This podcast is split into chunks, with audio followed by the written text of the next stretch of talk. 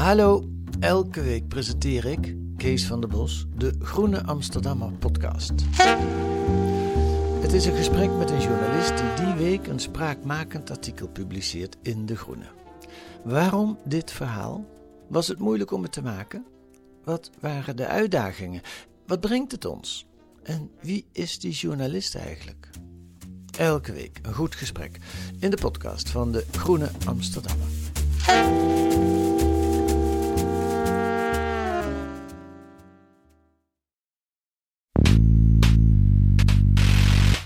En dan begrijp ik heel goed jullie, en dat voel ik ook zo, drang om daar snel uit te komen.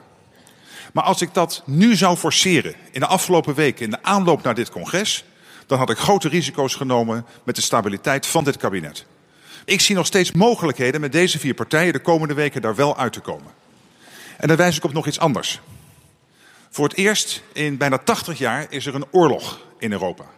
En dat betekent dat voor de grootste partij van Nederland, en dat zijn wij, in een instabiel, verkruimeld politiek landschap er een bijzondere verantwoordelijkheid op ons rust. Namelijk om niet te snel naar de uitgang te rennen als het niet snel genoeg gaat. Maar je uiterste inspanning te doen om er wel uit te komen. En niet het land in een politieke crisis te storten. Dit is Betrouwbare Bronnen met Jaap Jansen.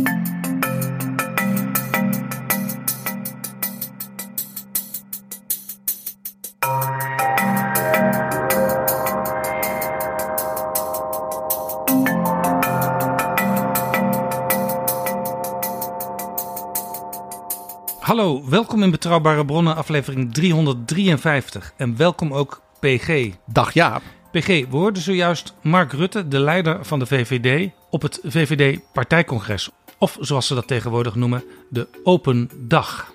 En hij was heel open. Hij was heel fel zelfs naar zijn eigen achterban, naar zijn eigen leden. Uh, hij uh, sprak ze nogal ondubbelzinnig tegen. En zei ook af en toe van, dit laat ik zo niet staan. Nou, nou. Er is al zes maanden heel weinig gebeurd. En de urgentie van het probleem wordt met de dag erger. En dat wil ik u meegeven. Er zijn zes maanden, dat is echt, dat ga ik niet van mijn kap nemen. We zijn onvermoeibaar door Europa aan het reizen en door de wereld om dingen te regelen. En er lukken ook dingen op dit moment. Maar er moet ook in Nederland iets. Hij werd aangesproken voor de zoveelste keer al op VVD-congres op het asielbeleid. Heb ik jou goed begrepen dat als deze zomer geen fatsoenlijk pakket, pakket er ligt, dat de premier op de fiets naar de koning gaat voor het ontslag aan te bieden? Waar ligt nu die grens? Waar zeggen wij stop? En premier Rutte zit hier en ik vraag hem, Mark hier, kom op voor je burgers, man. Bescherm je burgers. Nee, ja, je hebt, nee, niks. Dank u wel. Dank u wel voor uw vraag.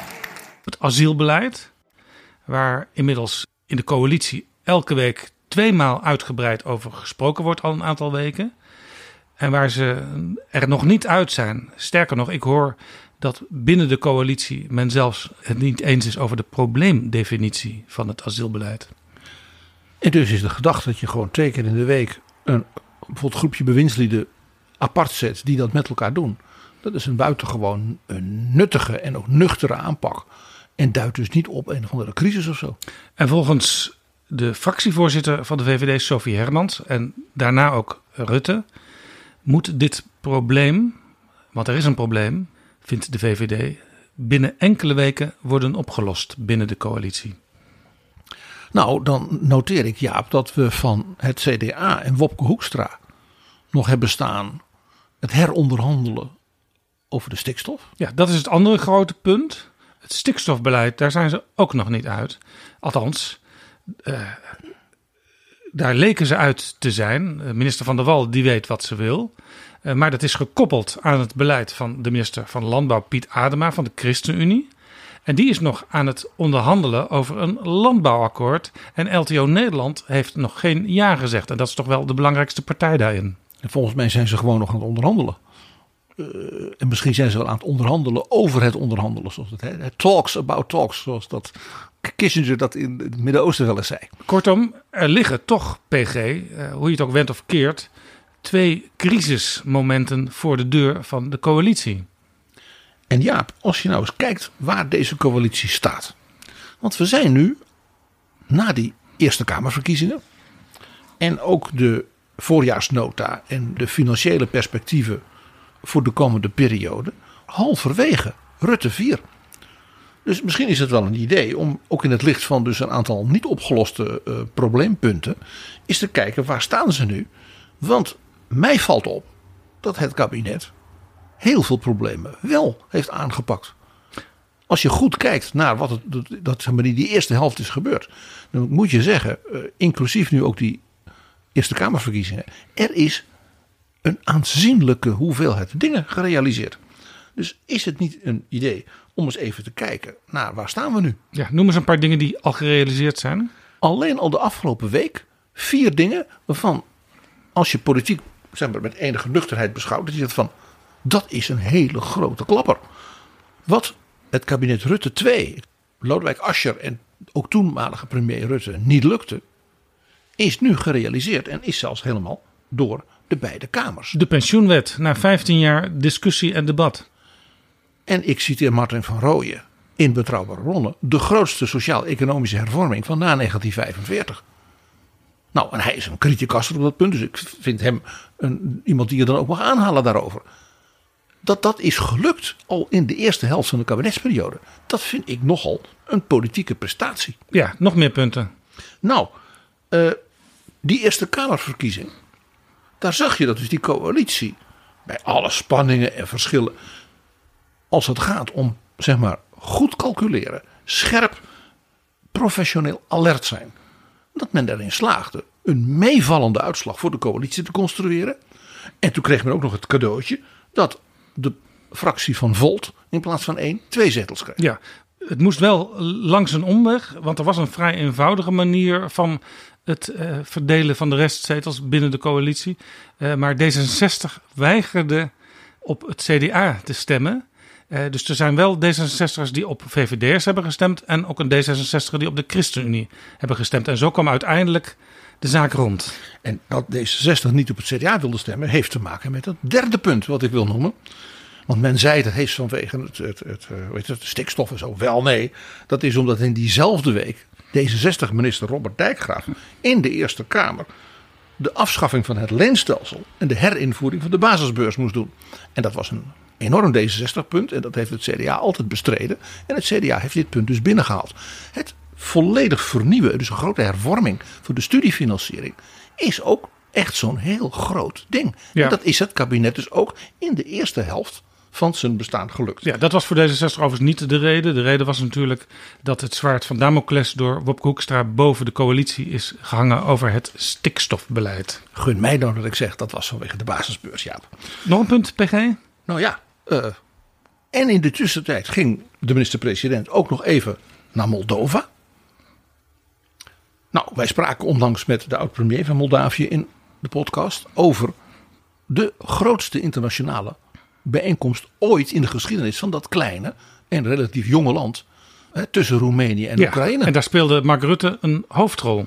Hij was gevraagd om bij de intro na de speech van president Maya Sandu als enige regeringsleider van de daar 50 aanwezige regeringsleider te spreken. Je zag hem ook op de voorpagina's van alle internationale kranten. En hij heeft daar bovendien nog iets gedaan. Want hij heeft gezegd: we moeten dus niet alleen een coalitie maken van gewillige landen ten aanzien van het trainen en ook desnoods dan leveren van F-16 vliegtuigen. We moeten ook een coalitie van die landen die Patriot raketten hebben en die als het ware met elkaar met Oekraïne een soort groep kunnen vormen om Oekraïne te helpen. Want die Patriots die blijken ontzettend goed te werken. En halen de meest moderne en heel gevaarlijke hypersone Russische raketten gewoon uit de lucht. Wat men blijkbaar niet zomaar van tevoren had gedacht dat dat zou gebeuren. Belangrijk punt hier. Doordat dus die luchtverdediging van Oekraïne, en dat geldt ook voor alle andere militaire dingen ook, natuurlijk nu in de praktijk wordt toegepast. Ja, het is gruwelijk om te zeggen de hoeveelheid kennis, know-how, analyses over hoe dingen werken. En ook hoe dus de Russische militaire spullen werken, is natuurlijk ongekend. Dus er is nu sprake van een hele grote en belangrijke ja, actie op dat punt ook van al die verschillende landen. En het is dus Nederland die een heel duidelijke leidende rol daarbij aan het spelen is. Nou, dit zijn dus vier dingen in één week. Ja, laten we maar eens kijken inderdaad hoe de coalitie ervoor staat. Volgens de kalender van de kiesraad zijn de Tweede Kamerverkiezingen op 19 maart 2025. Dus een kleine twee jaar nog te gaan. Mooi moment voor een midterm review. Maar eerst PG. Zijn er nog nieuwe vrienden van de show? Ja, ja, er zijn weer nieuwe vrienden van de show. En zoals je weet, ik word er altijd een beetje blij van. Want dat is een signaal dat allerlei mensen in het land en zelfs in andere landen het gewoon fijn vinden om naar Betrouwbare Bronnen te luisteren. En jou en mij een beetje willen aanmoedigen. En ik word graag aangemoedigd. En daarom heel veel dank voor die aanmoediging aan Martin Emiel, Frans, Harry, Rob en Mark. En er is ook nog een losse donatie van Jelle. Inmiddels hebben we 845 vrienden. Dat is hartstikke mooi. Uh, maar we hebben tienduizenden luisteraars bij elke aflevering. Dus er zijn nog mensen geen vriend van de show. Wat let je? Ga naar vriendvandeshow.nl slash bb. Dit is Betrouwbare Bronnen. PG, de coalitie is intern in beraad over het asielbeleid. De achterban van de VVD moet nog even wachten wat daaruit komt. Uh, het CDA wil het stikstofbeleid aan de orde gaan stellen. Wanneer precies, Weet ook dat hebben ze nog niet aangekondigd. Er is dus wel iets aan de hand in die coalitie. En toch zeg jij, het gaat eigenlijk best wel heel erg goed met Rutte 4. Nou ja, ik kijk gewoon naar de, uh, ja, de, de, droge politieke feiten. En dan zie je dus een heel bizar beeld. Want wat is nou een beetje het imago en de peilingen? Nou, dat is helder. Het kabinet heeft geen gezag. Ze staan op val. Ze hebben geen gunfactor. Niemand gunt het kabinet wat. Uh, er is weinig vertrouwen, heel laag vertrouwen. De peilingen zijn slecht. Niet alleen voor de coalitiepartijen, maar ook bijvoorbeeld de, de waardering voor individuele bewindslieden. En tegelijkertijd denk je, nou, ik noemde die vier dingen alleen al in één week. En er is nog veel meer. Dat ik denk, weet je waarmee dat aan doet denken? Nee. Dat doet mij denken aan Joe Biden. Joe Biden. Ja, wordt, wordt ook gezegd, ja, die oude man. En moet hij wel een tweede termijn? En hij, hij staat soms 1% of 2% voor op Hij Trump. struikelt af en toe En over hij een zandzak. En dan valt hij over een strandzandzak bij het uitreiken van een diploma. Dus aan de ene kant, hè, zelfs zijn, zijn, zijn meest fanatieke criticassen die roepen hij is half dement en zo. Om vervolgens de ene na de andere, zelfs met bipartisan steun, grote hervormingswetten, bijna à la LBJ, erdoor te krijgen. Ja, En afgelopen week slaagden de Democraten en de Republikeinen er in meerderheid in om te voorkomen dat de hele machine in Washington weer zou vastlopen, omdat er geen geld meer zou mogen worden uitgegeven. Ja, dus dat, dat schuldenplafond, daar is dus niet alleen een bipartisan steun, regelgeving voor bedacht.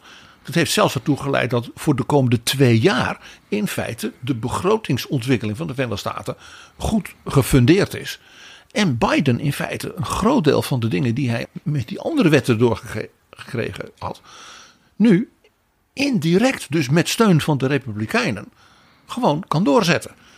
En je zag dan ook dat een, een aanzienlijk deel van de, zeg maar, de Trump-vleugel binnen de Republikeinen woedend was op speaker Kevin McCarthy. Die ook nog openlijk zei ja, dat het team van Joe Biden, ja, die hadden heel professioneel en helder met hem onderhandeld. En dat waren hele duidelijke conclusies.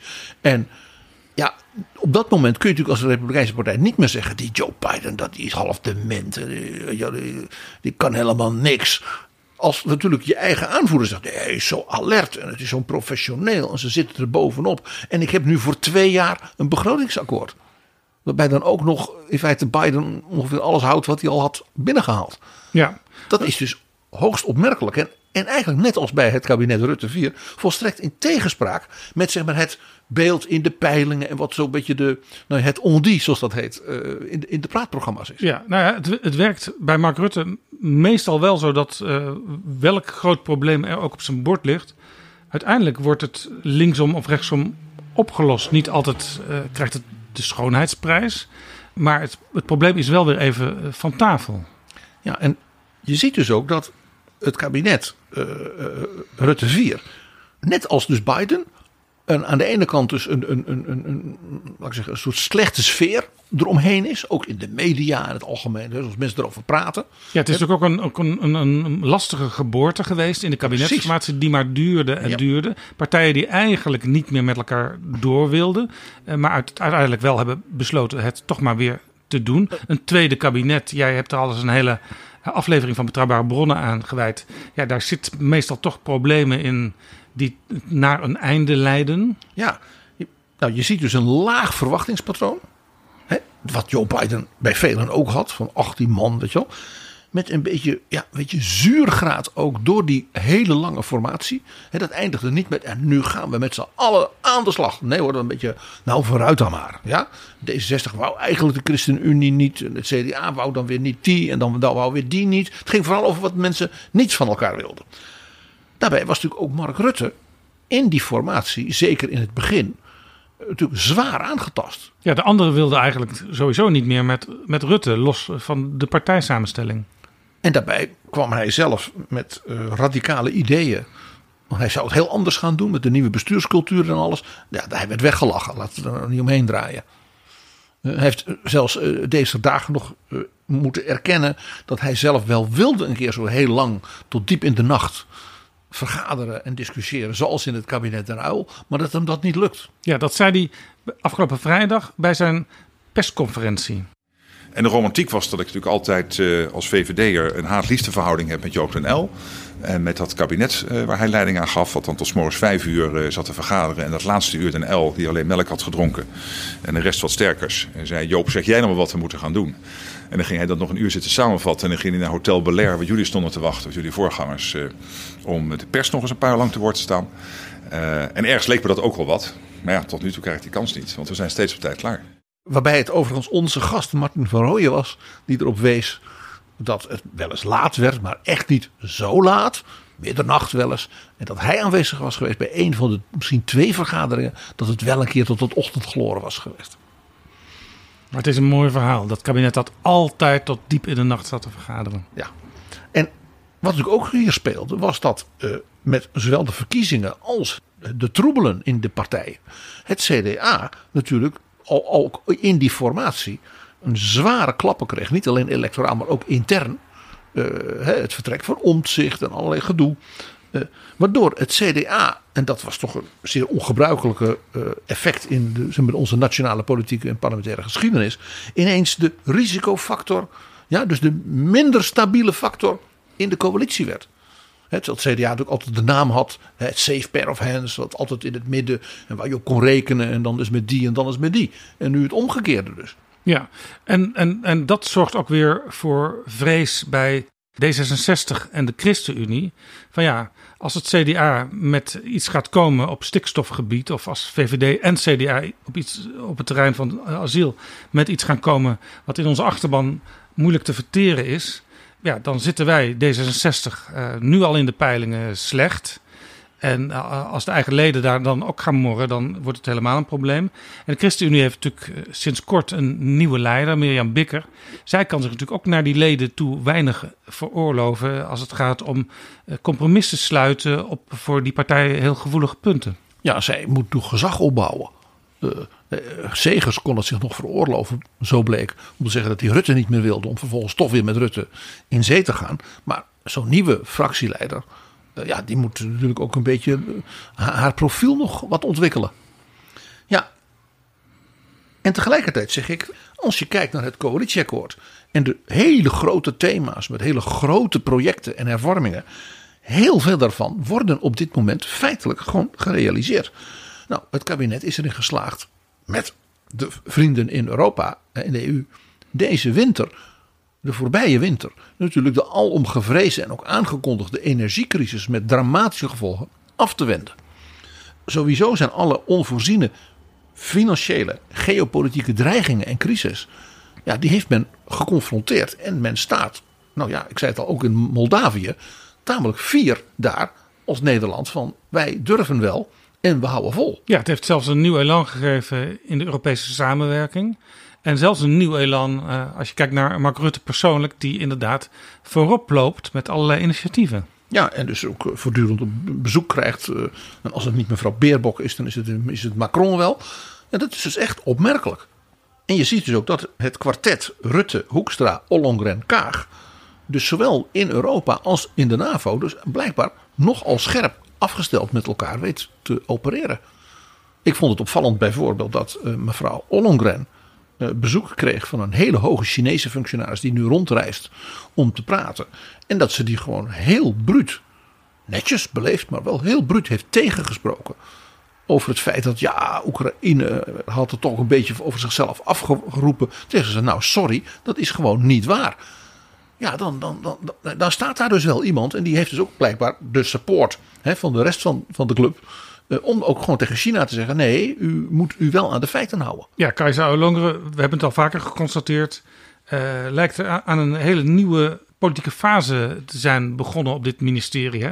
Op Binnenlandse Zaken ja, viel ze toch een beetje tegen. Er, Beetje er gebeurde niet zoveel. En, vo- eh, en, en, woningbouw was toen nog, viel toen onder haar. Nou, daar gebeurde helemaal niks. Nee, dat is eigenlijk ook nog een, een, een punt uit het vorige kabinet. Wat is blijven liggen? Ja, en, en dus het is heel opvallend. Dat ondanks dus die wat narrige en zelfs wat zure sfeer rondom het kabinet, die ook is blijven hangen na de formatie, dat men dit, ja, dit palmares als het ware eh, in die eerste helft vertoont. En laten we wel wezen, dat was, had men niet verwacht. Dat het op die manier op, op, zo op Joe Biden zou lijken. Ja, PG, eh, interessante vergelijking met Joe Biden. Maar laten we eh, gewoon eens even naar de Nederlandse politieke geschiedenis kijken. Waar moet je aan denken als je dit kabinet ziet en je kijkt naar kabinetten achter ons? Nou ja, ik kom misschien met twee wel heel, heel, heel eh, ver- verrassende vergelijkingen. Dit kabinet lijkt op het kabinet Den Uil en op het kabinet Lubbers 3. Waarin lijkt dit kabinet op het kabinet Den Uyl? Nou, denk nog even aan ons gesprek met Jan Pronk, Laurens Jan Brinkhorst en Martin van Rooyen. Die alle drie, de een bijna nog heftiger dan de ander, zei... Ja, wij begonnen en toen kwam ineens ja, die oorlog in het Midden-Oosten... eh, een olieboycott. Een, dreigde een enorme energiecrisis. hè, Ja. Auto, autoloze zon. Dan terroristische aanslagen in een hele reeks. Eh, de Lockheed-affaire. Dat ze zeiden, wij werden eigenlijk meteen aan het begin door die grote internationale, zowel geopolitieke als economische en energieveranderingen, volledig op de kop gezet. En eigenlijk alles wat we hadden gedacht dat zou gebeuren, ja, dat ging anders. En smeden de club dus op een opmerkelijke manier aan elkaar. En wat dat betreft, eh, eh, de fascinatie van Mark Rutte voor dat kabinet Den Uil.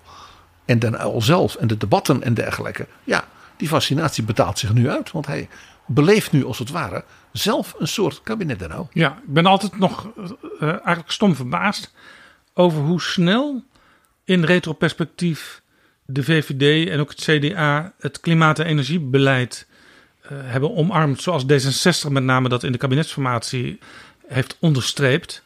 Want het heeft toch jaren geduurd dat men zei: ja, we moeten wel iets aan doen, maar het hoeft allemaal niet zo snel en zo. En Nederland heeft zich toch echt gecommitteerd aan eh, die 50% in 2030 en die 100% in 2050. Sterker nog, wij zeggen als Nederland: we gaan nog iets verder proberen eh, te gaan in 2030 al. Om maar voldoende tempo te maken.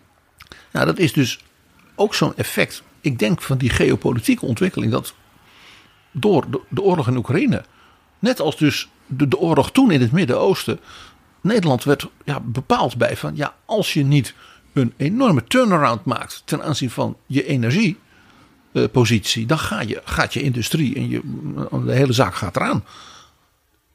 Mij valt op dat men dat blijkbaar altijd heel snel vergeten is. Dat dat, eh, ik zal maar zeggen, nu een jaar geleden de blik was waar iedereen toen in die zomer mee naar de, de nabije toekomst keek. Ja, kabinet en uil, daar doet het jou dus aan denken. En het kabinet Lubbers 3. Lubbers 3, dat is even interessant. Eh, er waren twee kabinetten Lubbers, CDA en VVD. En toen kwam er een derde kabinet Lubbers van het CDA met de Partij van de Arbeid. En dat was een kabinet wat ook geconfronteerd werd met allerlei crisissen. Ik denk dat ik het wat vaker heb gezegd in Betrouwbare Bronnen. De dag na, of twee dagen na het aantreden van dat kabinet, zeg maar de, bo- de bordesscène met Beatrix, viel de Berlijnse muur. En in feite was de totale omstandigheden, geopolitiek, Europees, hè, wat je maar kan bedenken, van dat kabinet stond op zijn kop. En in feite had men het regeerakkoord toen zo in de prullenbak kunnen Ja, dat is heel goed vergelijkbaar met eh, de oorlog in Oekraïne. Eh, toen had men in het regeerakkoord wel net opgeschreven dat er iets aan klimaat en energie moest gaan gebeuren. Dat dat ook vrij drastisch moest gebeuren. Maar eh, hoe- hoe urgent dat was, dat bleek eigenlijk eh, anderhalve maand later al. Want toen, was, toen viel Rusland Oekraïne binnen. Nou, die muur viel, hè, 9 november. En ja, de hoeveelheid volstrekt onvoorspelbare dingen die toen gebeurden. We hebben er een, een, complete serie van Ja. onze podcast aan gewijd. Namelijk de volledige instorting van de grote wereldmacht. De toen, tot dan toe, de grote opponent van het Westen, van de NAVO, de Sovjet-Unie, die volledig verdampte. Nou, dan kwam ons belangrijkste buurland, handelspartner, politieke partner, Duitsland. Ja, daar kwam de Wiedervereinigung. Dus een volledige herijking van wat dat land ook politiek en maatschappelijk en economisch natuurlijk inhield. Dat was nodig, dat hele gebeuren. Om versneld met nog verdubbelde kracht de interne markt, het Europa 1992, door te voeren. Juist omwille van die ontwikkelingen. Dus je kreeg een compleet redesign van de Europese Unie. Dat werd dan ook het verdrag van Maastricht. Terwijl dat gebeurde, deze enorme dingen, was er in het Midden-Oosten opnieuw een hele grote oorlog. Met hele ja, dreigende consequenties. Opnieuw voor de energieleveranties. En dat was de Golfoorlog. Ja. De bezetting van Kuwait. Met andere woorden. PG, beide kabinetten, Den Uyl en Lubbers 3, moesten doen wat eh, Rutte 4 nu doet. Heel snel het roer omgooien. improviseren. eh, met de partners ja, voortdurend om de tafel zitten. En eigenlijk dus zowel op korte termijn heel helder hebben. Wat is mijn rol? Hoe pakken we dit aan?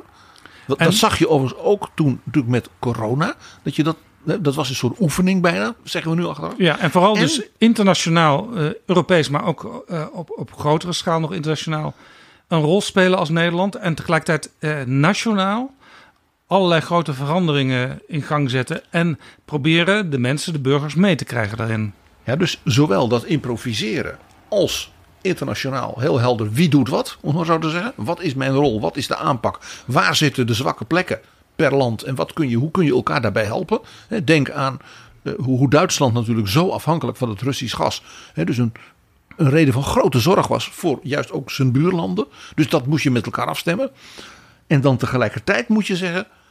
Maar we moeten terwijl we aan het improviseren zijn, al verder vooruitdenken, bijna strategisch denken over de effecten van wat er nu gebeurt. Voor bijvoorbeeld, hoe kunnen we dit hierna nog verder opvangen, na de improvisatiefase? Hoe winnen we vertrouwen ook weer bij andere landen, maar ook binnenlands? Ja, en dat is dus wel een probleem, dat laatste. Het vertrouwen binnenlands, dat blijkt niet echt uit de verkiezingsuitslagen sinds de Tweede Kamerverkiezingen. Hè? De, de verkiezingen die er sindsdien geweest zijn, met name de Provinciale Statenverkiezingen onlangs. En daarom is het ook des te opvallender dat dus die aanpak eh, rondom zeg maar, Oekraïne en die energiecrisis die dreigt en dergelijke, dat die zo breed maatschappelijk gesteund werd. Want dat is natuurlijk wel opmerkelijk. Dat je aan de ene kant zegt, nou, het kabinet heeft heel laag vertrouwen, hè, waar we het eerder hadden. Een beetje dat Joe Biden effect. En tegelijkertijd wordt gezegd, ja, dat doen ze toch heel goed.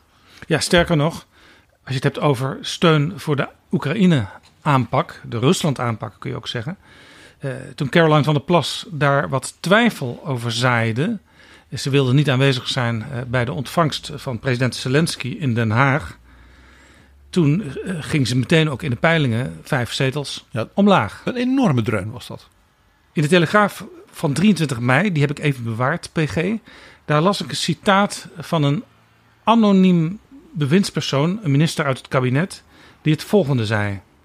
Iets positiefs over Van der Plas en iets wat niet heel positief klinkt. Het positieve is, Van der Plas is erin geslaagd om mensen rechts van de VVD vertrouwen te geven en is bereid om te regeren. Dus, dus vertrouwen geven, dat is fijn, want dat is een schaars goed in de politiek. Ze is bereid om te regeren. Dat is dus een, iets anders dan PVV of FVD, et cetera, uitstralen. Maar, zei die anonieme minister ook, ze blijkt ook over een talent te beschikken om domme dingen te zeggen. En daarvoor moeten we haar ook wel even de ruimte geven. Gun haar dat ze zichzelf de das om doet. Je zou denken, het is een minister uit een partij die denkt, als we electoraal veel geduld hebben, zijn we misschien uiteindelijk ook wel een keer van haar af. Ik wil hier nog één ding zeggen waarom het kabinet Rutte 4 om nog een andere reden lijkt op de kabinetten Den Uyl en Lubbers 3. En dat heeft te maken met de premier. Elk van deze drie kabinetten, die dus overvallen wordt door grote troebelen, internationaal, geopolitiek, energie enzovoort enzovoort, had het voordeel dat er een premier zat die veel ervaring had. Dat was dus niet iemand die net kwam kijken. Joop den Uyl was minister van Economische Zaken geweest. Joop den Uyl was al lang partijleider. En was iemand die net als Lubbers en ook uh, uh, Rutte... iemand heeft met een soort natuurlijk leiderschap... op grond van ja, opgebouwd intern gezag. Je weet, die persoon weet waar hij het over heeft. Die roept niet zomaar wat. En voor elk van die drie geldt ook... niet iemand die vooral behept is met een hoop persoonlijke ijdelheid... in dit soort situaties. Dat vind ik ook een hele interessante overeenkomst. En alle drie ook ehm, heel slim in de zin van er komen allerlei gevaren op de coalitie af.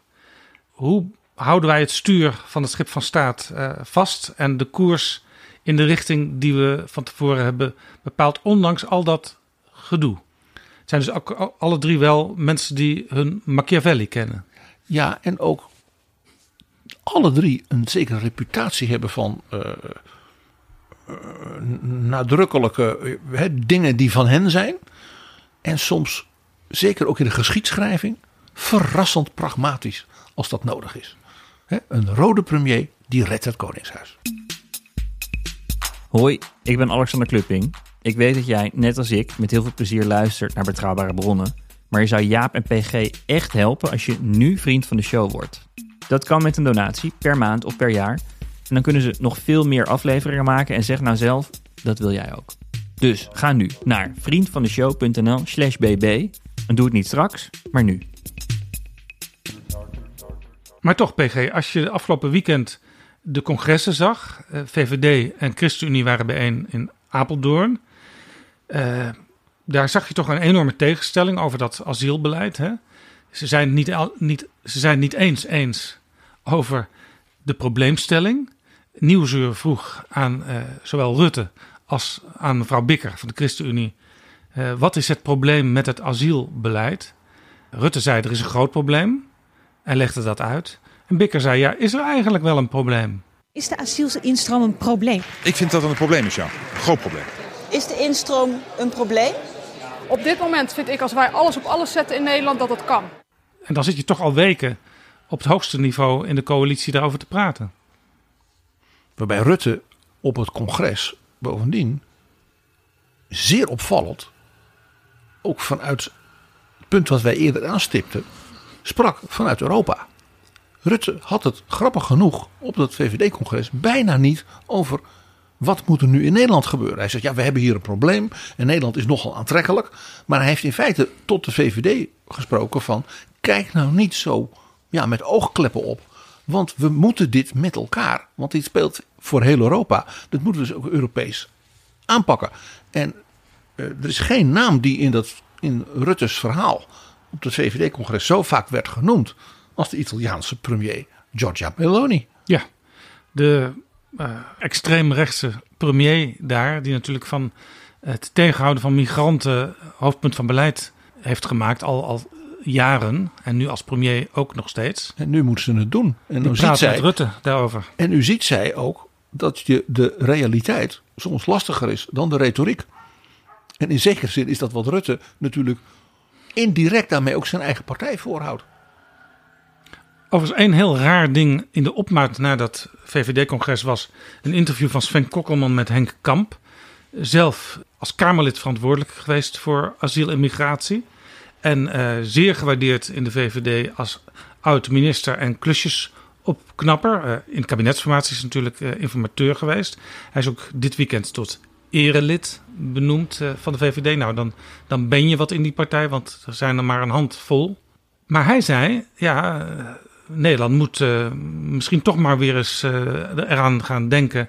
om dat internationale vluchtelingenverdrag op te zeggen. En ja...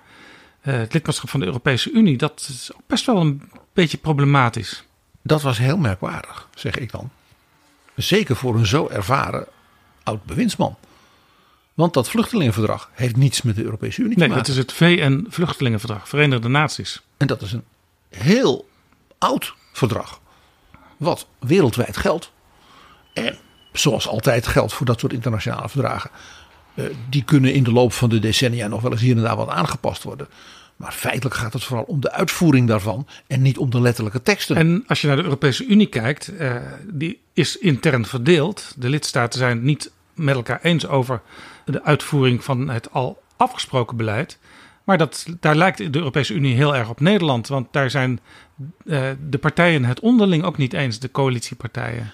Rutte heeft tegen iemand die hen interrumpeerde op dat congres iets gezegd waarvan ik dacht: dit is een opmerking waar hij meteen Henk Kamp een draai mee om de oren geeft. Wie in Brussel moet jij overtuigen dat we alsjeblieft van die mensensmokkel afkomen? Ik hoef niemand in Brussel te overtuigen. En laten we waarom gebeurt het de fout niet maken het te hebben over ons en Brussel. Wij zijn ook Brussel. Wij zijn een Europese liberale politieke partij. waarom lukt het dan Dit land is een oprichter van de Europese Unie. Hou nou op over ons en Brussel. En dit zei Rutte omdat hij zelf de hele dag bijna bezig is met al die gesprekken binnen de Europese Unie om uh, dat Europese beleid vlot te trekken. En als natuurlijk de, de grootste regeringspartij, waarvan Rutte bovendien hè, ook zei, die heeft een bijzondere verantwoordelijkheid in een land dat instabiel en versplinterd is, zoals hij dat zei. Ineens niet meer dat gave land blijkbaar. Als dus die grootste regeringspartij, als daar prominenten en wijzen van geroepen, nou ja, nou ja, dat is Europa. Dan is zijn positie natuurlijk bij een Macron, maar zeker ook bij mevrouw Meloni, natuurlijk aan de haal. Sophie Hermans, die zei op het congres. Dat we onorthodox moeten durven denken uh, buiten de gebaande paden. Maar ik zeg wel binnen de uh, verdragen, binnen de regels zoals die gelden. Dat was dus ook een opmerking voor Henk Kamp. Ja, overigens ook een, een, een dekwalificatie van het eigen verkiezingsprogramma. Want daar staat het eigenlijk altijd in. Elke uh, zoveel jaar als er weer nieuwe Tweede Kamerverkiezingen zijn, dan schrijft de VVD weer op dat ze naar dat vluchtelingenverdrag willen kijken. Maar ik denk dan steeds, ja, maar hoezo is dat een probleem? Want alle lidstaten van de Europese Unie hebben dat VN-vluchtelingenverdrag ondertekend. Dus als er dan een probleem is in Nederland dat wij heel veel mensen hier hebben die aan de deur kloppen en bij Nederland zich als asielzoeker melden, eh, dan is er blijkbaar een ander punt waarom Nederland zo aantrekkelijk is vergeleken met veel andere Europese lidstaten. Dat Nederland relatief aantrekkelijker lijkt te zijn als je kijkt naar de aantallen toegekende asielverzoeken, als je kijkt naar de aantallen mensen die naar Nederland komt, relatief aantrekkelijker lijkt te zijn dan omliggende landen. En dat is het gesprek wat we op dit moment in het kabinet voeren. Hoe kan dat? Hoe lossen we dat op? Dat hangt dus niet samen met het functioneren van dat verdrag. Ja, dus, dus als je daarover wil praten, hoe passen wij ons beleid aan? Dan moet je eigenlijk dat VN-verdrag buiten haakjes plaatsen. Waarbij ook nog komt, en dat is een oud punt Jaap, dus ik ga het maar even snel herhalen. Het is wel buitengewoon irritant, om geen ander woord te gebruiken, dat zelfs een Henk Kamp dus hiermee bijdroeg aan de permanente en in mijn ogen soms bewuste begripsverwarring tussen vluchtelingen, asielzoekers, migranten, arbeidsmigranten en nog een aantal van dat soort begrippen. We hebben het voortdurend over volstrekt verschillende situaties met verschillende soorten mensen, waarbij dan voortdurend weer op die mensen wordt geprojecteerd alsof er een soort tsunami en dat soort wildersachtige taal is. Daar is helemaal geen sprake van. Er zijn delen van ons land die zeer, zeer nodig hebben dat er mensen ook van buiten Nederland hierheen komen. Ja. En iedereen weet dat. Soms weet je, uh, het is afgesproken. Hè? Dan zegt de VVD-top tegen bijvoorbeeld een Henkamp... Uh, rommel jij maar eens flink in de media, want dan weten de mensen weer waar de VVD als partij voor staat. Maar ik denk dat dat deze keer toch niet zo was, want je zag Rutte echt fel worden ook tegen zijn eigen wethouders en andere mensen die op dat VVD-congres achter de vragensteller microfoon stonden. En in zekere zin het megafoontje van Henk Kamp speelde. Ja, Rutte was echt uh, pissig aan het worden tijdens het beantwoorden van de vragen daarover. En ja, dat heeft natuurlijk ook mee te maken, we zeiden het al eerder tegen elkaar als je een midterm review doet van dit kabinet en deze coalitie, dan kan ik, ik zou bijna zeggen, hoeveel uur hebben we nog? Uh, in een hoog tempo een hele serie echt majeure prestaties.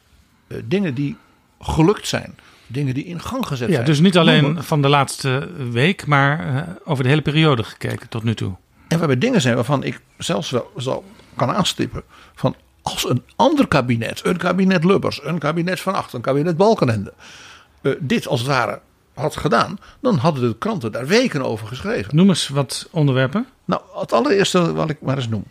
We hebben het in Betrouwbare Bronnen de voorbije nou, drie, vier jaar meer dan één keer met bijvoorbeeld voorzitter Hamer van de Sociaal-Economische Raad gehad over de absolute noodzaak fundamenteel te doordenken en nieuwe stappen te zetten rondom de arbeidsmarkt. Nou, sterker nog, daar hebben we het ook twee keer in Betrouwbare Bronnen over gesproken met Hans Borstlap. Die ook uh, natuurlijk een groot rapport heeft geschreven over veranderingen in de arbeidsmarkt. En dat was zo'n stevig rapport dat iedereen daar waardering voor had in Den Haag. Maar dat er vervolgens ook heel lang toch weer niks gebeurde. Omdat werkgevers, werknemers, overheid, die moesten met elkaar polderen, zoals dat heet.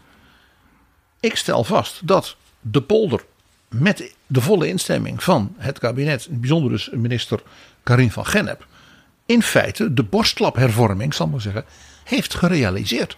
Dus dat is nu gebeurd.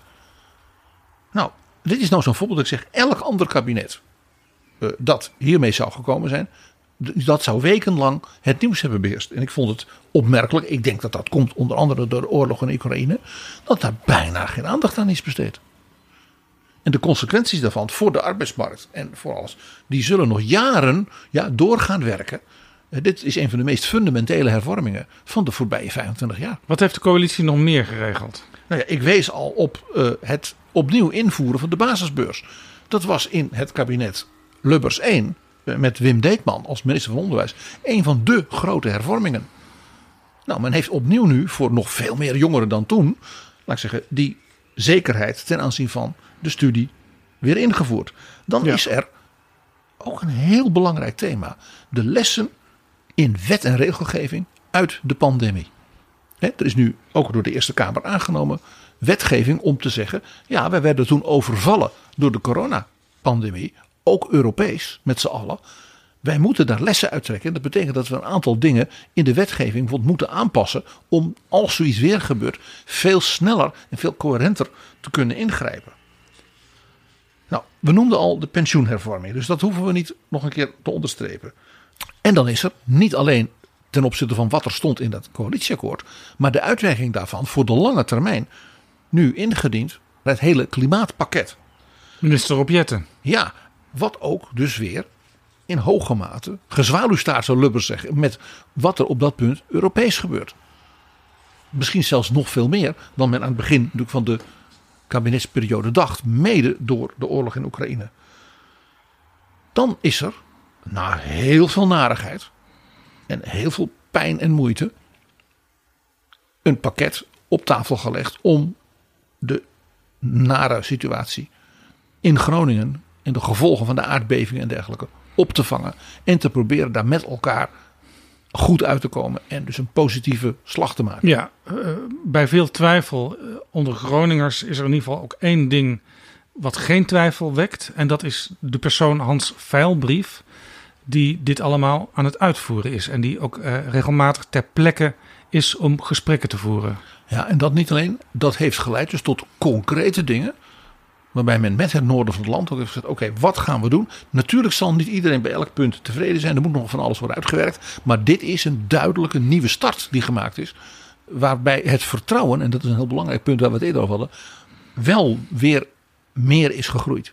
Ja. En ook dat is dus een heel belangrijk iets. Als je dat in de eerste helft van de kabinetsperiode, na alle narigheid van de vorige kabinetten, als daar een beetje een turnaround begint te maken, dat is niet niks. Ook een mooi voorbeeld van een projectbewindspersoon, staatssecretaris voor mijnbouw.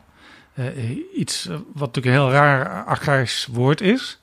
Maar je weet, uh, hij doet deze klus en als het goed is, hoeft er in een volgend kabinet geen opvolger te komen. Maar misschien is die nog wel nodig hoor, omdat het toch nog iets langer duurt. Maar mensen hebben in ieder geval in hem vertrouwen. En dat is een belangrijk begin. Nou, dan er is voor het eerst vanuit het kabinet, zelfs met de koning, gezegd: wij gaan ons nadrukkelijk nationaal uiten.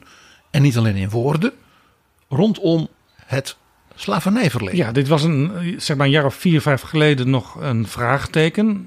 Moeten we hier überhaupt iets mee voor veel partijen in de Tweede Kamer? Inmiddels is besloten om vanaf 1 juli, als in het Oosterpark weer de jaarlijkse herdenking plaatsvindt, om een heel herdenkingsjaar uh, te gaan houden uh, met allerlei bijeenkomsten, maar vooral ook op 1 juli al een toespraak van de koning. En wat, wat ik zelf heel interessant daarbij vind, is dat men eigenlijk vanaf het begin dat men zei: we gaan dit echt doen. Dat is een zaak van dit kabinet Rutte 4. We gaan dit niet doen als een zeg maar, soort Nederlanders in Nederland. Men heeft heel nadrukkelijk gezegd: we doen dit in het internationale, uh, uh, wereldwijde perspectief. Want dat slavernijverleden is niet een nationaal iets. Dat raakt ook nog alle mogelijke landen in de wereld, onder andere landen die vroeger koloniën van Nederland waren. En daar moeten we eerlijk in zijn. Dat moeten we, dat moeten we ook met elkaar durven bespreken. Is ook niet alleen Nederland er eentje. Maar het is wel een belangrijk punt van ja, wie wij zijn geweest en wie we zijn geworden. Een ander, ook heel nieuw en groot internationaal iets. Mij valt op dat men daar zo weinig aandacht aan heeft besteed in de media. Is dat president Biden heeft in het kader van uh, allerlei grote geopolitieke veranderingen gezegd dat er een soort coalitie is van drie landen. Namelijk de Verenigde Staten, Japan en Nederland. Ten aanzien van de allernieuwste high-tech technologie. En de bescherming van ook het intellectueel eigendom en de technologische risico's op dat terrein. In het bijzonder ook ten aanzien van bijvoorbeeld China. Ja, daar speelt bijvoorbeeld het Nederlandse ASML in Veldhoven een hoofdrol. Met de chipmachine die zij maken. En alle technologie en alle kennis die daar is. En dat het feit dus dat Nederland naast Japan en de Verenigde Staten de derde partner is. En niet, ook niet een soort junior van nou die mogen ook meedoen. Nee, dat is een bijna een soort gelijkwaardige partner. Daarbij. Ja, is ontstaan uit een ja, probleem voor Nederland. Want ASML wilde graag uh, ook zo'n machine aan China verkopen. China wil, wil graag die spullen hebben. Dus er is enorm veel geld mee gemoeid. Europa heeft ook een wat andere houding tegenover China dan de Verenigde Staten sinds Trump. En, en onder Biden is dat gewoon dat beleid voortgezet van Amerika. Dus, dus je zag dus dat de Nederlandse regering eigenlijk met drie verschillende schaakborden tegelijk moest werken. Namelijk met de Europese partners. Want als Europa een bepaalde houding aanneemt, raakt dat natuurlijk in dit geval het Nederlands bedrijfsleven. En niet een kleintje in het Nederlands bedrijfsleven. Het was ook geen toeval dat mevrouw von der Leyen persoonlijk naar Veldhoven is gekomen. Dus dat is schaakbord 1.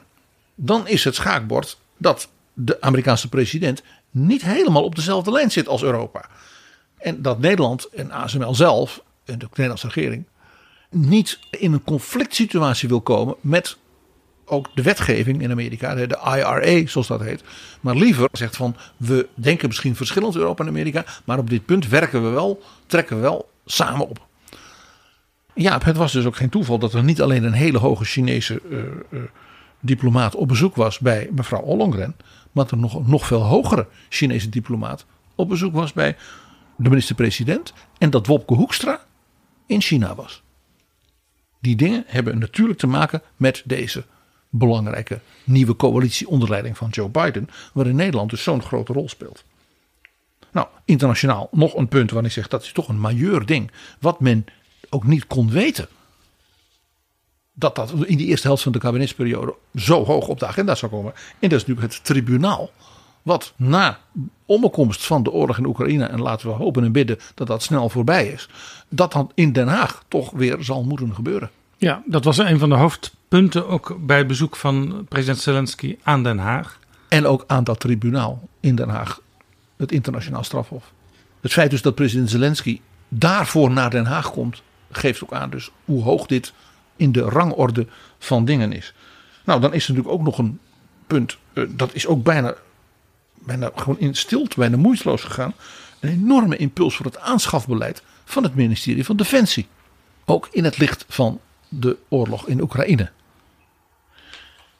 Ja, ik heb dus nu gewoon een hele serie dingen in kort bestek genoemd. Ik ben er misschien, misschien nog wel een paar vergeten. Bijvoorbeeld onder andere uh, wetgeving op het punt van versimpeling, versnelling van besluitvorming rondom woningbouw. Ja, ja. Gaat allemaal niet makkelijk. Nou ja, goed. Uh, regels kunnen misschien wel veranderd zijn. Maar het aantal woningen dat gebouwd wordt, dat lijkt af te nemen. Dat gaat niet de goede kant op. Dus dat is wel een probleem. Ja. Maar je hebt dus een hele reis dingen waarvan ik zeg. De, ik noemde dat het woord palmares voor de eerste helft van de kabinetsperiode. Er zijn kabinetten die in vier jaar minder hebben gedaan. Ja, dit is dus een kabinet wat van jou uh, nu al, halverwege de periode, een ereplaatsje krijgt in de galerij der kabinetten. Nee, want dat, het gaat hier niet om dat ik, dat ik een rapportcijfer geef. Mij valt op, want dat was mijn punt. Dat terwijl de, net als bij Joe Biden, die beeldvorming eromheen is allemaal zuur en er gebeurt niks en wat dan niet. Als je vervolgens kijkt naar de reële dingen, dat je zegt van, en dat in een periode van oorlog, uh, gebeurt er heel veel.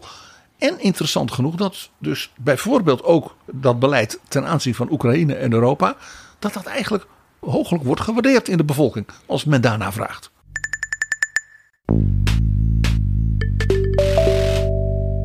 Dit is Betrouwbare Bronnen, een podcast met betrouwbare bronnen.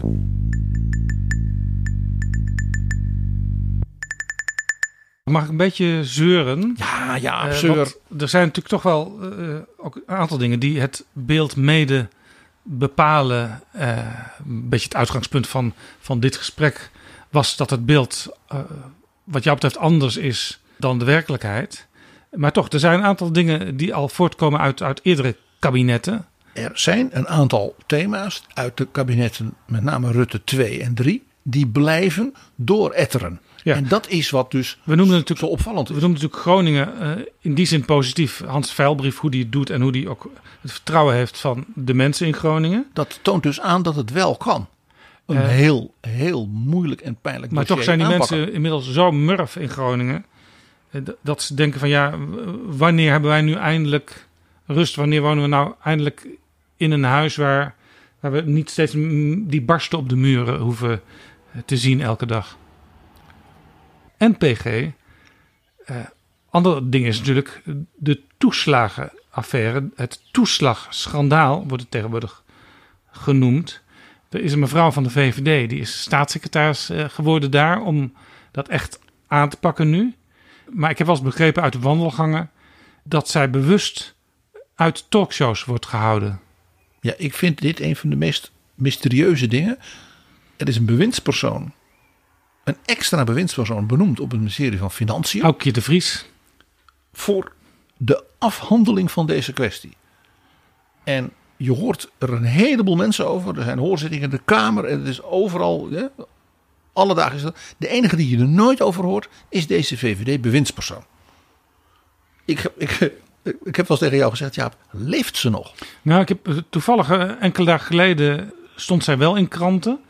Maar dat was omdat prinses Laurentien ideeën had geopperd, een plan had gemaakt om de afhandeling van de toeslagellende te versnellen. Ja, er is blijkbaar een soort coalitie van partijen uh, die daarmee bezig zijn, die op een of andere manier zeg maar, met prinses Laurentien in gesprek zijn geraakt. Op zichzelf al een boeiend verschijnsel. Uh, je weet, ik denk dat altijd staatsrechtelijk is nou dit iets een onderdeel van het Oranjehuis waar de minister-president dan verantwoordelijk voor is. Voor wat, wat Laurentien hier doet. Dat is ook wel interessant op zichzelf. En ik begrijp dat het kabinet dat wat dat groepje mensen met de prinses heeft bedacht, nu maar heeft overgenomen.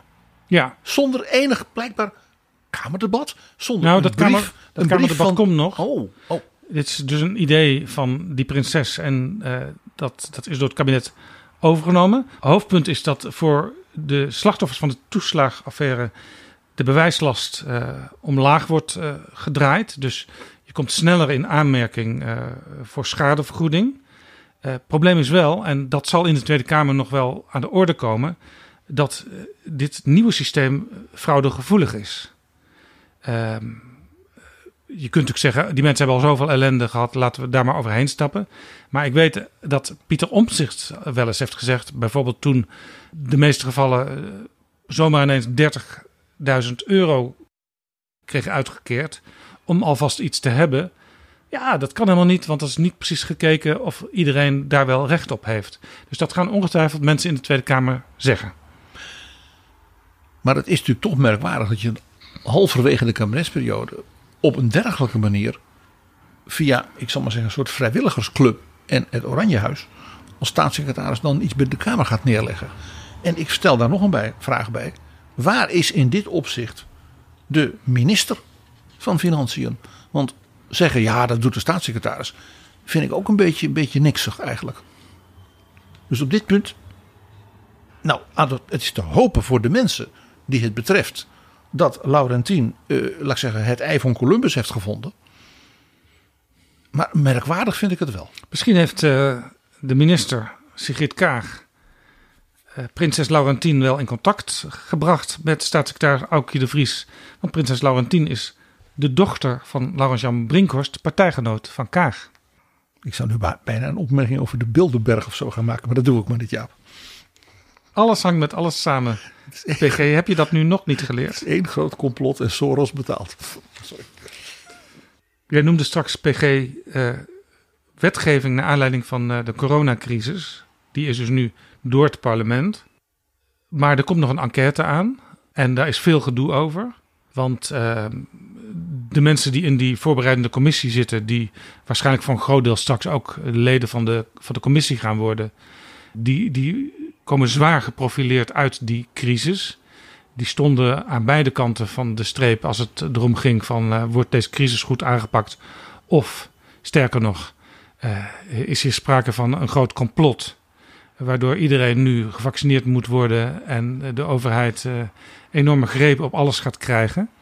Waarbij overigens ook genoteerd moet worden dat als die enquête gaat gebeuren, dat het helemaal niet ondenkbaar is dat de mensen die nu het werkprogramma van die commissie hebben gemaakt, dan helemaal geen Kamerlid meer zijn. Dus die commissie zal feitelijk ook door een heel andere Kamer uh, nog weer gevuld moeten gaan worden. Ja, want de, uh, de echte zichtbare enquête die begint pas in 2025. Dat is dus na de verkiezingen. Exact. Nou ja, dit toont aan dat dit, ook deze erfenis, zal ik maar zeggen, van, van vorige kabinetten je hebt niet het idee, dus anders dan bij Groningen, zal ik maar zeggen met vuilbrief, dat ook de betrokken bewindslieden, mevrouw Helder, minister Kuiper, dat ze er echt greep op hebben. Eh, de vertoning toen dat mevrouw Helder het blijkbaar goed vond en ook door de minister-president niet was geholpen, eh, eh, dat Hugo de Jonge in dat Kamerdebat als oud-minister er nog weer bij ging zitten. Dat gaf al aan dat je denkt, want men heeft het niet scherp. Nee, en ministerie probeert nog steeds allerlei stukken en gegevens eh, achter te houden waar bijvoorbeeld door journalisten om gevraagd wordt. En op zichzelf ben ik eh, op dat punt altijd uh, uh, zeg maar ruimdenkend van uh, dat ministeries daar ook gewoon goed naar moeten, moeten kijken. Maar de argumentatie die daarbij gebruikt wordt is soms wel buitengewoon onhandig. Ja, er is een wet open overheid en de naam zegt het al. Die gaat er in beginsel van uit dat de overheid open is over zaken. En legt dit dan ook nog even naast de tamelijk vernietigende teksten van de rekenkamer over datzelfde ministerie. Als het ging om zeg maar, de greep op de financiën. Over financiën gesproken, dat is natuurlijk nog een ding waar dit kabinet uh, in vastloopt. En dat is het oplossen van het probleem rondom de spaartax, box 3. Ja, een onderwerp waar wij uh, in onze podcast al een paar keer aandacht aan hebben besteed. Je hebt er ook heel indringend met staatssecretaris Mannix van Rij over Ja, en als er, iemand, als er iemand is, eh, zou je denken, zeker toen hij werd aangezocht, die dit probleem kan aanpakken en oplossen, dan is het wel de belastingdeskundige Mannix van Rij. Zeer ervaren, uh, safe pair of hands, zoals dat heet. Nou ja, die erfenis bleek uh, al meteen bij zijn aantreden een, een, ja, een poison pill, zoals ze dat heten. Want de Hoge Raad zei, uh, uw voorgangers, uh, Menno Snel, uh, die hebben er zo'n puinhoop van gemaakt. Dat, uh, ja, dit kan gewoon zo niet. En u kunt ook niet meer in beroep. Dit moet gewoon worden aangepakt. De mensen die geklaagd hebben, die hebben gelijk. Nou, in de tussentijd is Van Rij, moest dus twee dingen tegelijk doen. Dat was die Hoge Raad. En, ja, als dus de Hoge Raad, dus, dus die uitspraken uitvoeren naar de klagers. En tegelijkertijd natuurlijk ook zeggen: ja, die wetgeving die dus in die vorige kabinetten was gemaakt. En ook nog weer aangepast en er was van alles mee gebeurd. Dat is zo'n puinzooi. Dat moet volledig over. Kwam er ook nog een zogenaamde IBO over de vermogens in Nederland. Interdepartementaal beleidsonderzoek. Ja, en de belastingen daarvan. En je merkt dus dat die dingen die zijn in elkaar gaan. En dat is een Gordiaanse knop geworden en je hebt niet het idee dat eh, zeg maar, man is van de troubleshooter is.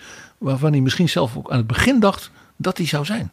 Kortom, bij alle positieve punten die jij opsomde, toch ook nog een aantal zaken uh, die voortkomen uit, uit vorige kabinetten Rutte. Het zijn dus opvallend erfenissen uit vorige kabinetten Rutte, die dit kabinet Rutte, hè, dat op die andere lijstpunten dat ik zei van, nou ja, een, een, een, een lange reeks belangrijke nieuwe uh, en indringende stappen heeft gezet, voortdurend als er een stok tussen de benen steekt. PG, laten we even terugkeren naar de actualiteit van nu. We hadden natuurlijk het asielbeleid al eh, doorgenomen.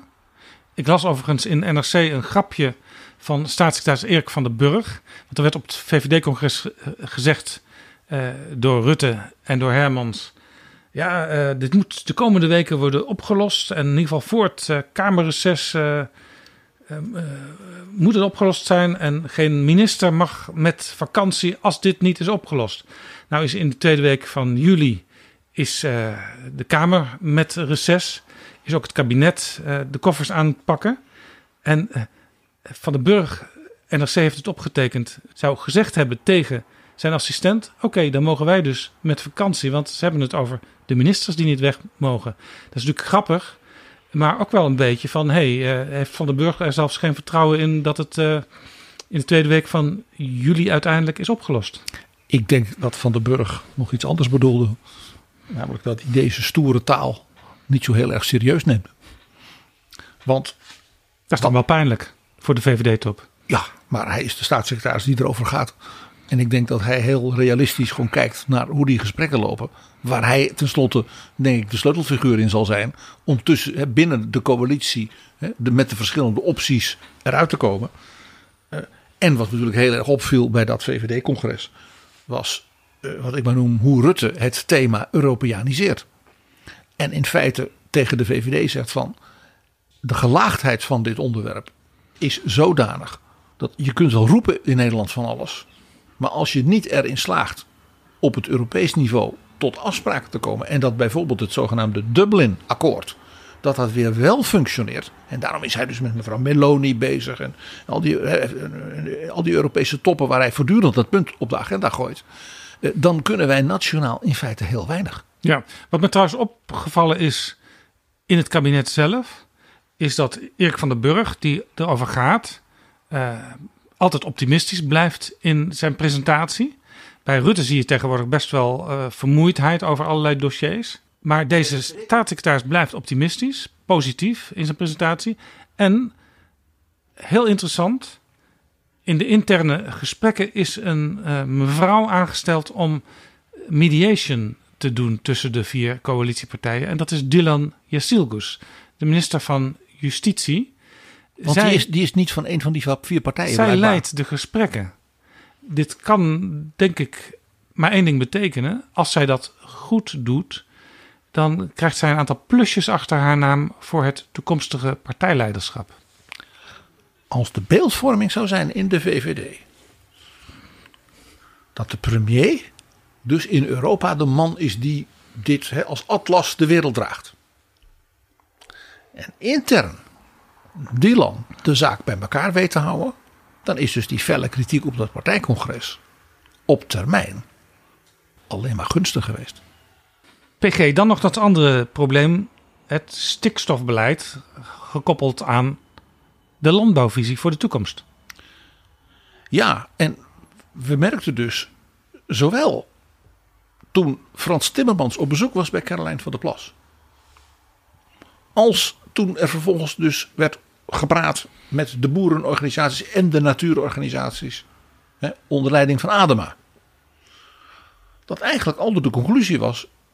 Iedereen is ook best van goede wil. Hè. Zelfs Carolijn van der Plas kon zelfs bedenken dat ze met eh, de staf van Timmermans haar eigen voorstellen kon uitwerken. Ik ben trouwens benieuwd hoe ver dat is inmiddels. Of ze al begonnen zijn eh, met die ambtenaren in Brussel. Maar dat het aldoor weer bleek het zit vast bij minister Adema. Die maar blijft overleggen met de landbouworganisaties. En dat is op zichzelf goed. Uh, maar een deel van de, zeg maar de, de, de, ik zal maar zeggen, de extremisten op dat terrein, die zijn al boos weggelopen. Ja, leek even een doorbraak te komen, hè? want uh, Mark Rutte die kwam uit het buitenland. En hij ging uh, meteen door naar het nachtelijk overleg, wat nog steeds plaatsvond in de buurt van, van Den Haag. Maar er kwam geen doorbraak. Nou heb ik achteraf begrepen dat het positieve is van uh, de aanwezigheid van de minister-president daar, dat de partijen niet van tafel zijn weggelopen. Maar dat is op zichzelf geen goed teken. Want dat geeft aan dat dus die partijen het gezag van die minister in feite in twijfel trekken. Hij kon het alleen niet meer af. Want als hij dus daar had gezegd: het kabinet, dit en dit en dit.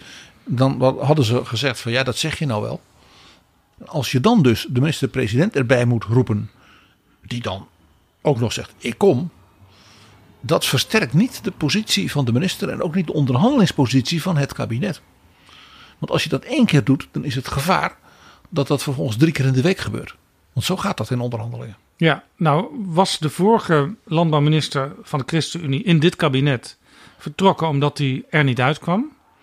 Uh, maar deze minister lijkt er dus ook niet uit te komen, Piet Adema.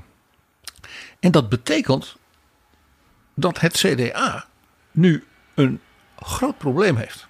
Ja, want het CDA die wilde dus aan de bel trekken over het stikstofbeleid. En wilde dat voor de zomer, wilden ze dat van de tafel hebben. En een van de voorwaarden was, er moet een landbouwakkoord zijn. Andere voorwaarde was, uh, er moeten akkoorden zijn in de provincies. En dan vertellen wij wat wij precies willen veranderen aan het beleid. En zolang er dus geen landbouwakkoord is, kan Wopke Hoekstra niet op de agenda van de ministerraad zetten.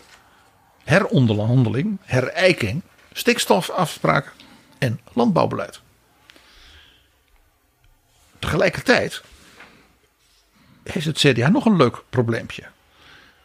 Het had een bepaald beroerde uitslag bij de provinciale statenverkiezingen. Maar ja, dat zijn geen nationale verkiezingen. Dus het feit dat het CDA op het nationale niveau ja, een slechte uitslag had, betekent nog niet dat in die provincies het CDA als het ware in de kreukels lag. Ja, het had wel harde klappen gehad. Maar door de versplintering politiek zit het CDA opmerkelijk sterk in al die provinciale besturen. Ja, ook weer in de onderhandelingen. Uit, uit, mijn hoofd, uh, ik dacht negen provincies doen zij mee aan de onderhandelingen. Kunnen er ook tien zijn. Dat betekent dus dat die CDA-bestuurders in die provincie die daar komen, dat die één ding niets graag zullen willen. En dat is meteen een clash met minister Van der Wal, met name over dus natuurlijk de financiering uit dat hele grote fonds voor de stikstoftransitie. Ja, want dat fonds dat beloopt 24 miljard euro.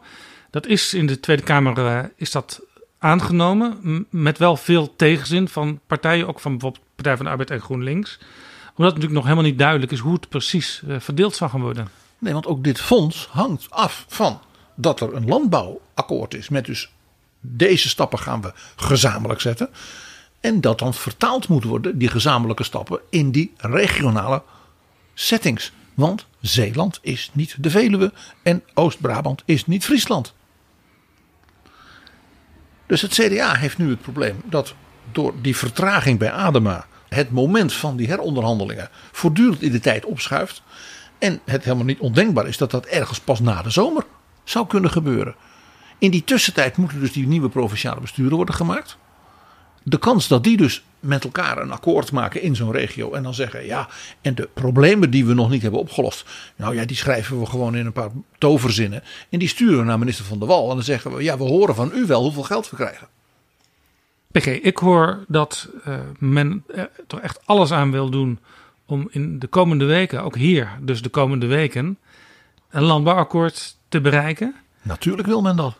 Maar het zou ook dus best kunnen dat dat niet uh, gebeurt. Of over de zomer heen getild wordt. Of, uh... En dat er dus het vraagteken wat dat boven het CDA hangt, boven Wopke Hoekstra, die aan de bel moet trekken. Maar wanneer doet hij dat dan? Dat dat vraagteken nog veel groter wordt dan het nu al is. En daar is inmiddels nog een heel belangrijk Europees punt bijgekomen. Want Caroline van der Plas had Timmermans op bezoek. Maar Timmermans heeft nog die jonge Litouwse collega in de Europese Commissie. My name is Virginijus Sinkevičius. Precies, die is het. En die zijn met een soort vervolg een wetgeving gekomen naar aanleiding van de Green Deal en ook dus de landbouwtransitie en natuurbescherming in Europa. In feite ook weer zo'n hele grote Europese uh, uh, wet. En die is zeer omstreden. En met name ook de christendemocraten in het Europees parlement. Die zeggen, die Timmermans gaat veel te ver.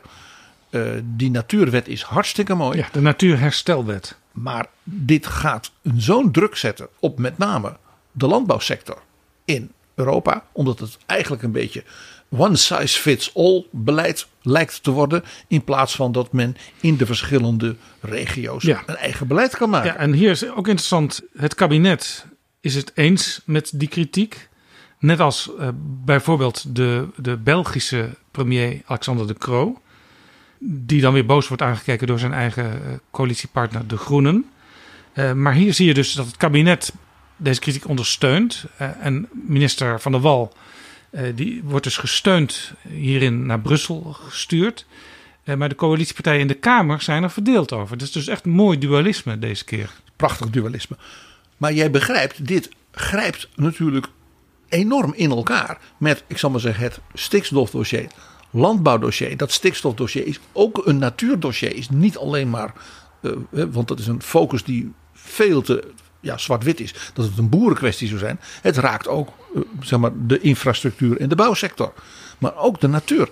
En die, die grote natuurherstelwet van Timmermans, wat zijn laatste grote ding is natuurlijk voor de Europese verkiezingen, uh, die ja, interfereert daar weer mee.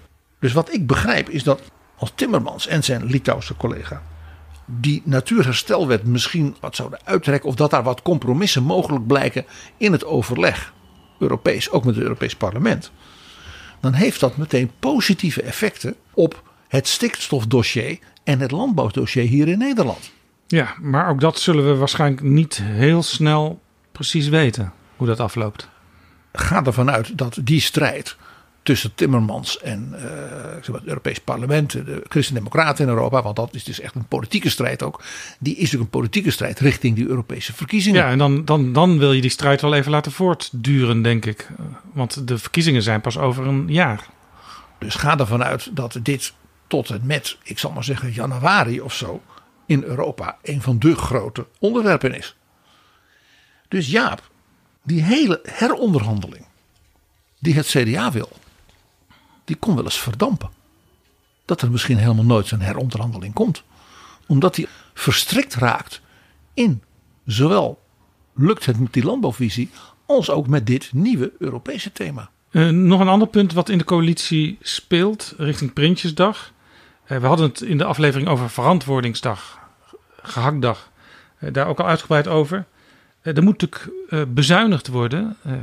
voor het eerst sinds een tijd is de minister van Financiën daar weer streng op.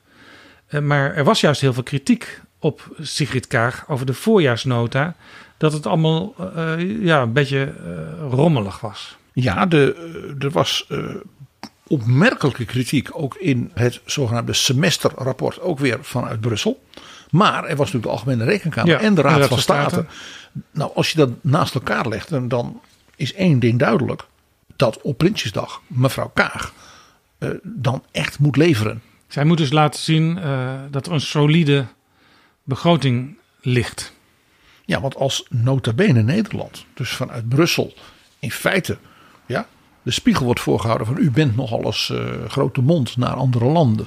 Maar als het gaat om de soliditeit en ook het binnen de Europese grenzen van tekorten blijven. Ook Nederland vraagtekens oproept, ja, dan heb je wel een beetje een probleem. Af en toe hoor je in betrouwbare bronnen een advertentie, maar vaak ook niet. En dat is jammer, want we hebben graag meer adverteerders. Want ook daarmee houden we betrouwbare bronnen online. En als jij nou werkt bij een organisatie of een bedrijf waarvoor het misschien best nuttig kan zijn om bij ons te adverteren, neem dan contact op. En je bereikt via betrouwbare bronnen heel veel jonge mensen met grote maatschappelijke politieke belangstelling. En natuurlijk de decision makers van Nederland en in Brussel. Stuur een mailtje aan adverteren.daganacht.nl en dan neemt de reclameafdeling van Betrouwbare Bronnen, ja ja, neemt dan contact met je op. Adverteren,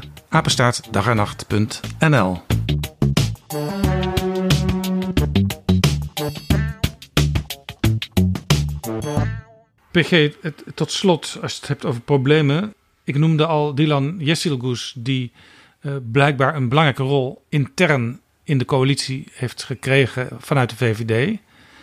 Zij wordt wel eens uh, getipt als toekomstig partijleider.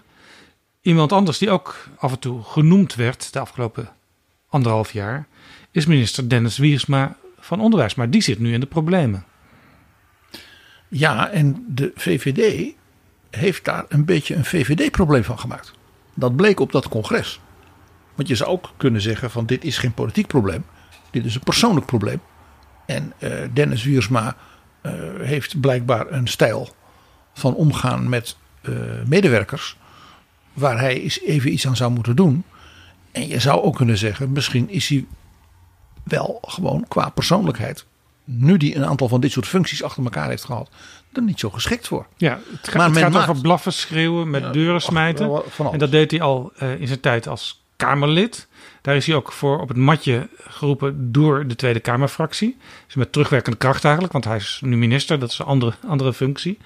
En hij kreeg afgelopen zaterdag steun van Mark Rutte. Maar dat was een hele aparte steun. Rutte maakte er een VVD-probleem van.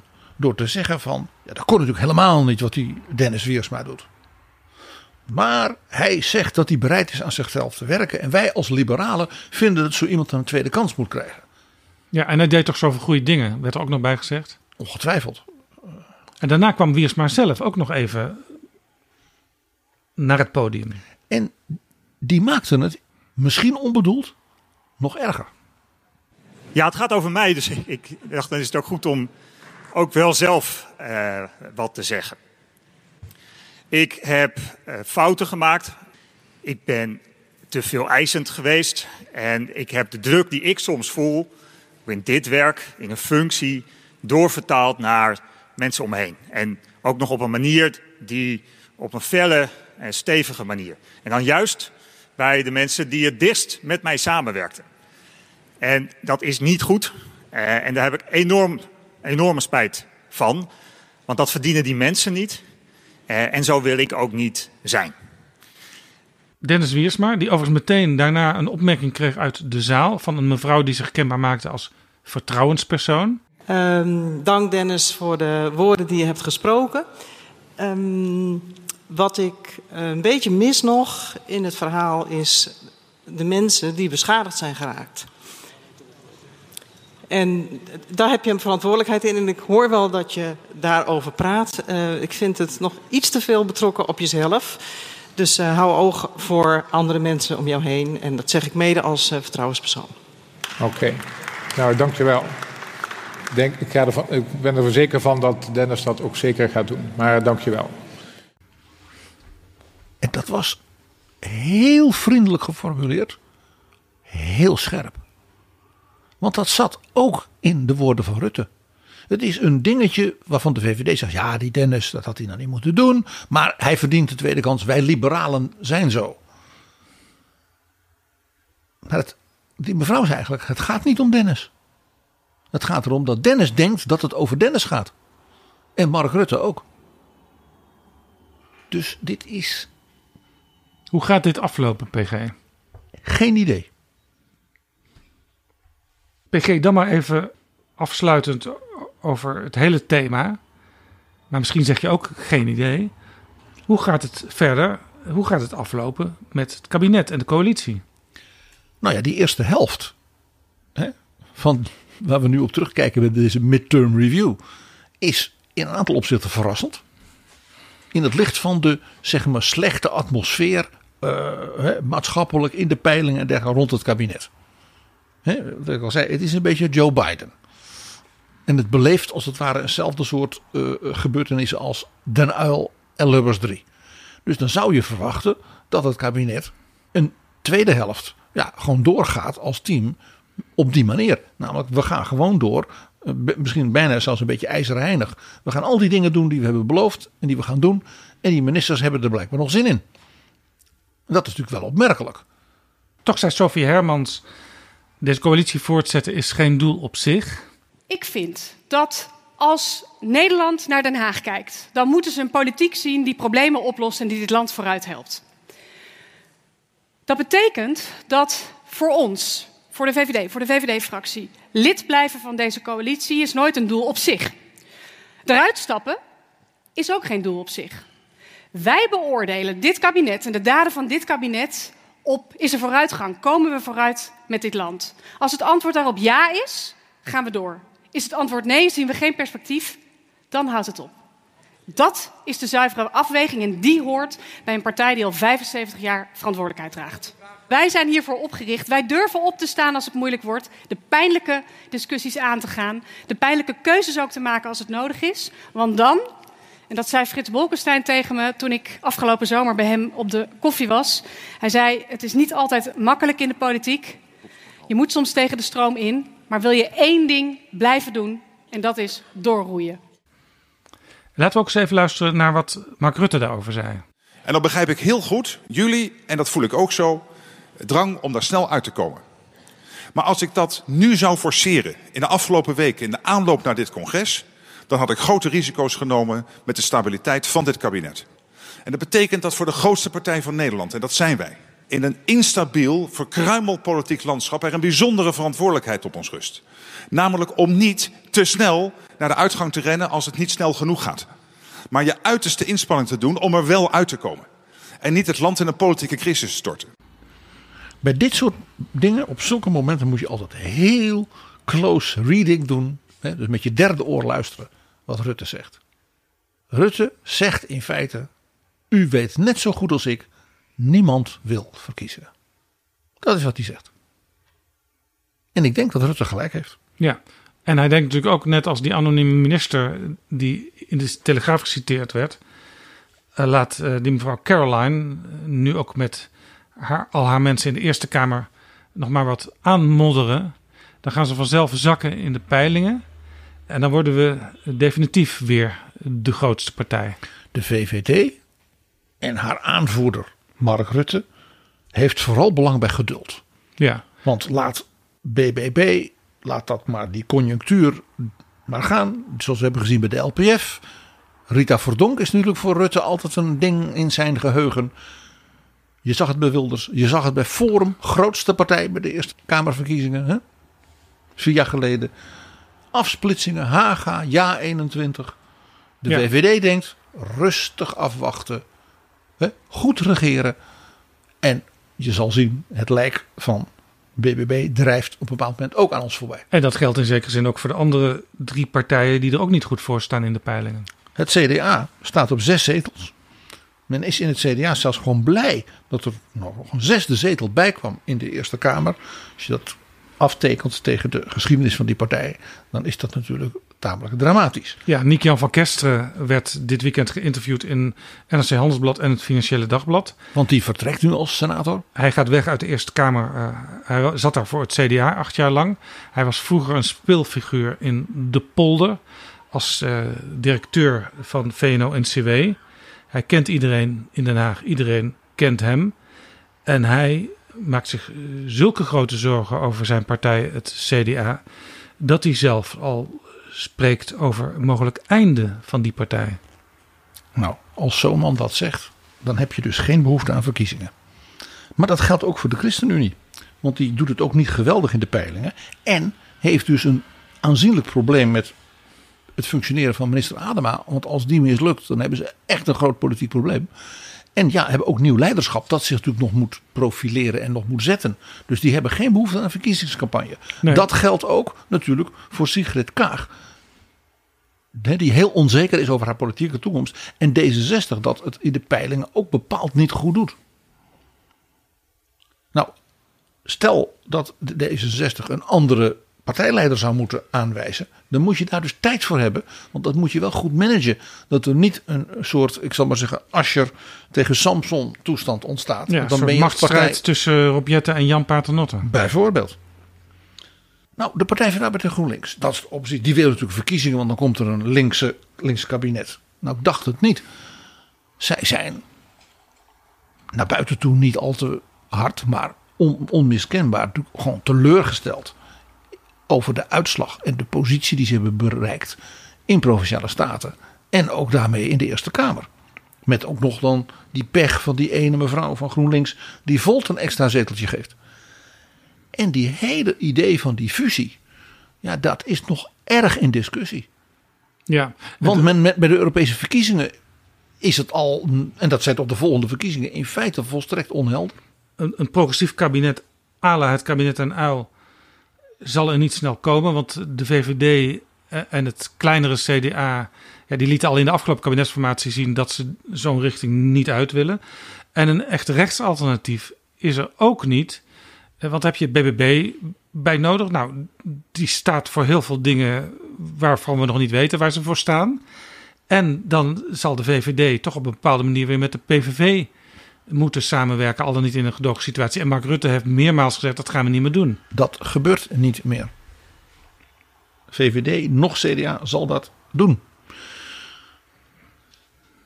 Dus ook Partij van de Arbeid en GroenLinks hebben om hele begrijpelijke interne reden helemaal geen behoefte aan verkiezingen en een verkiezingscampagne. En dat geldt ook voor partijen op die hele rechtervleugel. Want zowel de PVV als JA21 zijn natuurlijk bij die provinciale statenverkiezingen en ook bij de Eerste Kamer natuurlijk gewoon slecht uitgekomen. Ja. Die hadden gedacht dat ze altijd het grote alternatief op rechts. Nou, echt niet. Hebben veel last van de opkomst van BBB. Dus die zullen, net als de VVD, vooral heel veel geduld willen oefenen.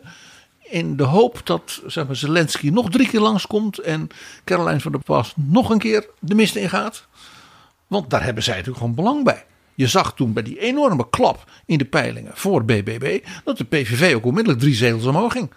Want de communicerende vaten electoraal zijn niet, zoals sommige mensen schijnen te denken, tussen het CDA en BBB, maar tussen JA21, de PVV, Forum en ook een beetje de VVD en BBB. En de Socialistische Partij van Lilian Marijnissen afgelopen zaterdag ook bijeen in Apeldoorn. Die zal ook geen verkiezingen willen. Die hebben de Haarlemmer olie van politiek herstel nog niet gevonden. En dan is er nog Pieter Omtzigt, van wie ik een brief heb gekregen, een mail. En uit die brief blijkt één ding. Pieter Omtzigt zit niet te wachten op nieuwe verkiezingen. En ik lees er ook uit dat fusie, samenwerking, dat soort dingen met BBB of anderen er ook niet in zit. Maar er zat wel iets uh, opmerkelijks in PG.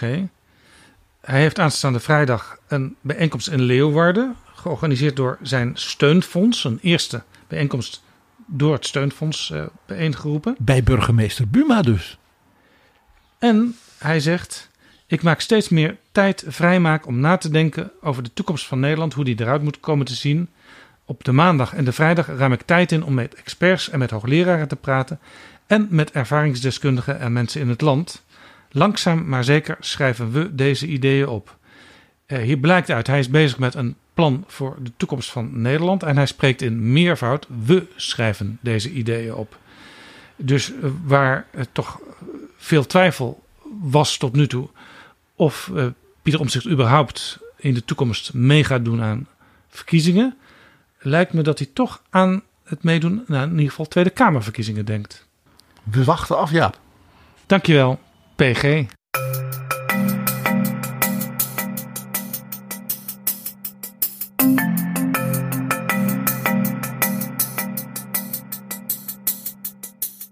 Zo, dit was Betrouwbare Bronnen, aflevering 353. Deze aflevering is mede mogelijk gemaakt met donaties van onze luisteraars. En als je ons van een regelmatige donatie voorziet, dan krijg je het predicaat vriend van de show en word je in de volgende aflevering genoemd. En losse donaties zijn ook altijd welkom. Ga daarvoor naar vriendvandeshow.nl/slash bb. U bent van harte welkom. Tot volgende keer.